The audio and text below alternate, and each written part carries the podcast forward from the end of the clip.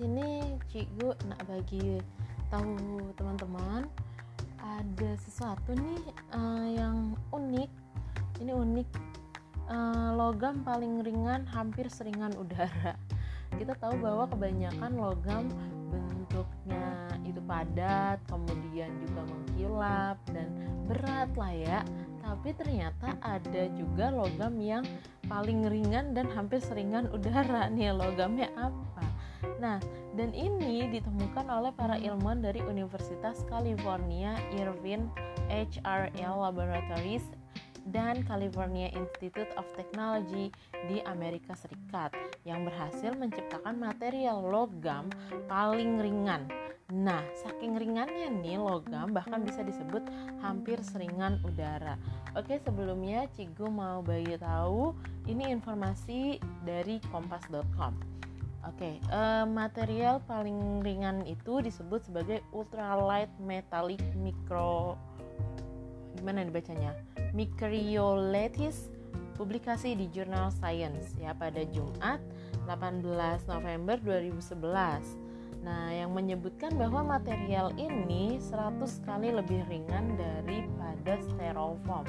Styrofoam aja ya disentil udah terbang ya kan. Kadang kalau kena kipas aja udah terbang apalagi kalau di kalau ada logam yang seringan styrofoam tuh bayangin logam mengkilap ya kan terus uh, kena kipas terbang dia oke ilmuwan mengungkap rahasia ringannya material adalah pada arsitektur tingkat selulernya material tersusun dari 99,99% udara dan hanya 0,01% unsur padat.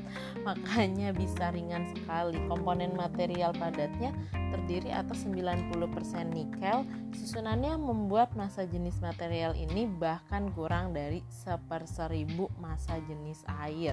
Tuh bayangin, seringan apa.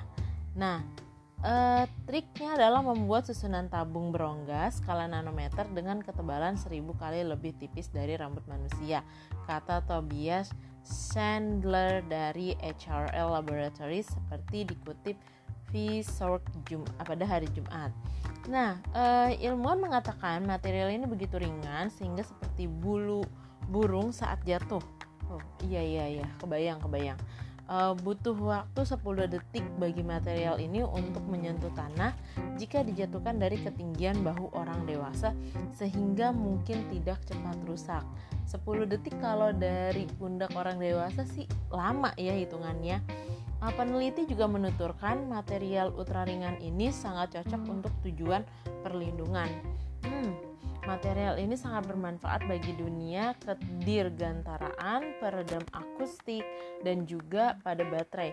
Saat ini material ini dikembangkan untuk Defense Advanced Research Project Agency. Wah, siapa nih yang mau uh, menciptakan lagi kita kalahkan rekor yang dari Amerika ini? Siapa yang mau coba?